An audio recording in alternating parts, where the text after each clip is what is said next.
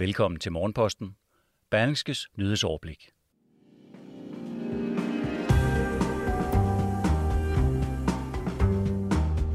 Politikere har i årvis lovet hjælp til pressede fængsler, men kritiseres nu for show-off og manglende resultater. Regeringen spår, at ledigheden kommer ned på 2,4 procent i det nye år. Og så kaldes en sag om spionage i Polen for den største, dybeste krise for demokratiet, siden landet gjorde op med kommunismen. Det er overskrifterne fra Morgenposten på årets næst sidste dag. Godmorgen, det er torsdag den 30. december. Jeg hedder Mette Melgaard.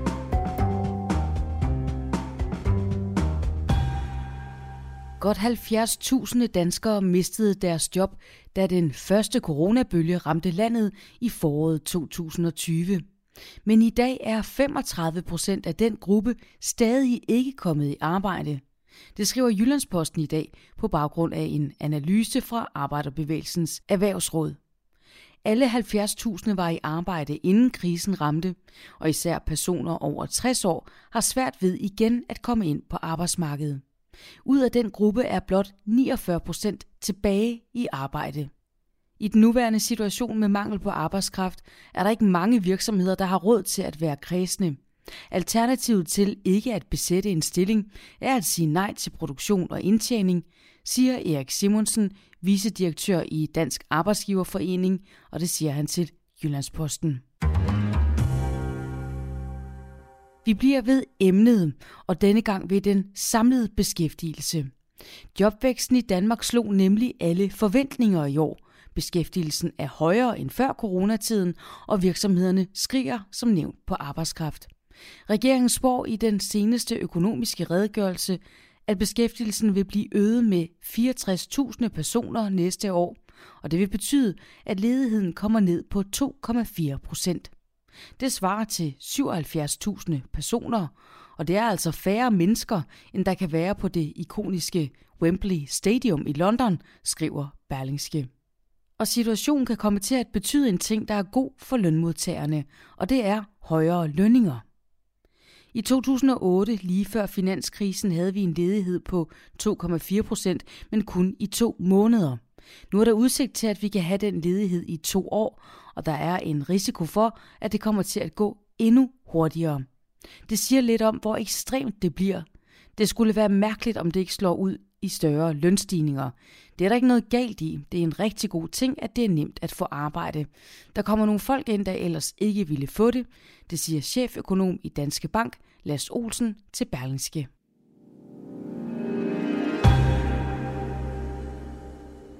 Den russiske præsident Putin fortalte onsdag, at gasledningen Nord Stream 2 nu er klar til at transportere gas fra Rusland til Europa.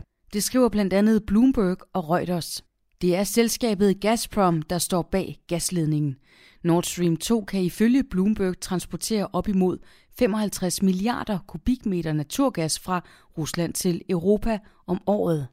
Før gasledningen kan blive godkendt, kræver det, at selskabet bag opretter et tysk underselskab, således at det tyske Bundesnetzagentur kan godkende ledningen.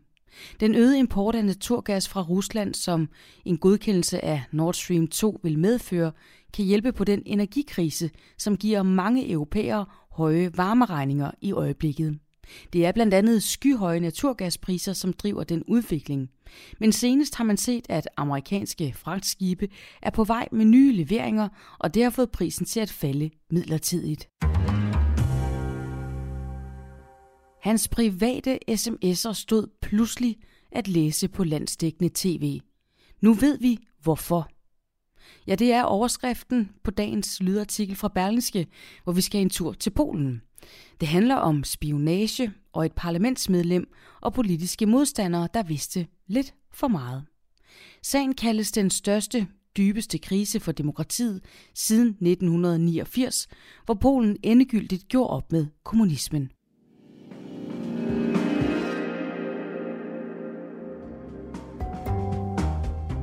Allerede under valgkampen blev han mistænksom. Det var, som om hans politiske modstandere vidste mere, end de burde. Når Christoph Breiser rejste fra by til by for at tale med vælgerne, kendte hans rivaler til synlædende alt til hans planer. De var altid et skridt foran, siger parlamentsmedlem og koordinator for valgkampen, Christoph Breiser, til den polske tv-kanal TVN24. Nu peger små digitale spor på hans mobiltelefon på, hvordan det kunne gå til, og afhøringen har antændt et nyt politisk opgør, som lokale medier har døbt et polsk Watergate. Ifølge landets opposition spillede avanceret cyberspionage nemlig en rolle, da Polens regerende parti, Lov og Retfærdighed, PIS, for halvandet år siden kunne erklære sig som vinder af parlamentsvalget. Lederen af landets største oppositionsparti, Donald Tusk, kaldte onsdagssagen for uden fortilfælde. Ifølge ham er der tale om den største, dybeste krise for demokratiet siden 1989, da Polen endegyldigt gjorde op med kommunismen. Pegasus is probably the most advanced piece of spyware ever developed. It is effectively the most invasive form of surveillance imaginable. Any idea that you had aspects of your life could be kept private and on the mobile phone are wrong. Sagen begyndte at rulle i juledagene, i takt med resultater fra en stribe tekniske analyser af tre mobiltelefoner kom frem. De viste, at mindst tre fremtrædende regeringskritikere, herunder Christoph Breiser, havde været mål for et af verdens mest avancerede spionværktøjer. Den israelsk udviklede software, Pegasus, er officielt tiltænkt efterforskning af terror og andre alvorlige forbrydelser. Men tidligere sager har vist, at softwaren også bruges til overvågning af aktivister og regeringskritikere i lande som Saudi-Arabien og de forenede arabiske emirater.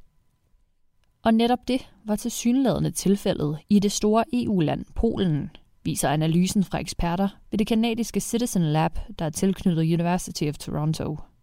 Citizen Lab har analyseret Christoph Breisers telefon og fundet, at udefrakommende brugte spionværktøjet til at bryde ind på telefonen 33 gange mellem april og oktober 2019.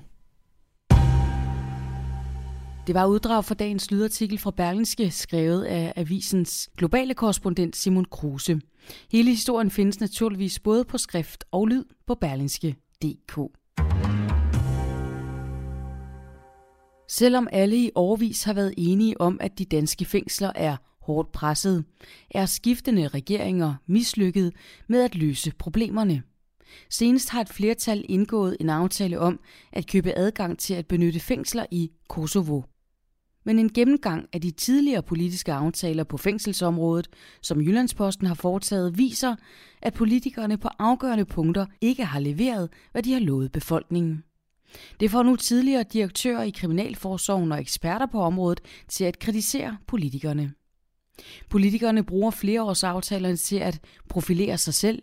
I mange hensener er aftalerne direkte ødelæggende for måden at drive på og ren show-off, siger Hans Jørgen Ingbo til Jyllandsposten. Han er tidligere fængselsinspektør i flere danske fængsler og direktør for Kriminalforsorgen i Grønland. Ældreplejen fylder på den politiske dagsorden, og derfor er Berlingske cyklet med på hjemmebesøg i hjemmeplejen i Københavns Kommune. Avisen har været med en sociohjælper på besøg hos de ældre for at give et indblik i den hjemmepleje, der hvert år koster kommunen tæt på en milliard kroner. Find artiklen i dagens avis, som også er den første del af en serie, hvor Berlingske har været med på en dagvagt, en aftenvagt og en nattevagt.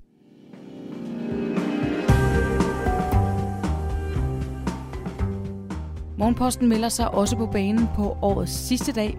Jeg vil ønske dig en rigtig god torsdag og på genhør i morgen.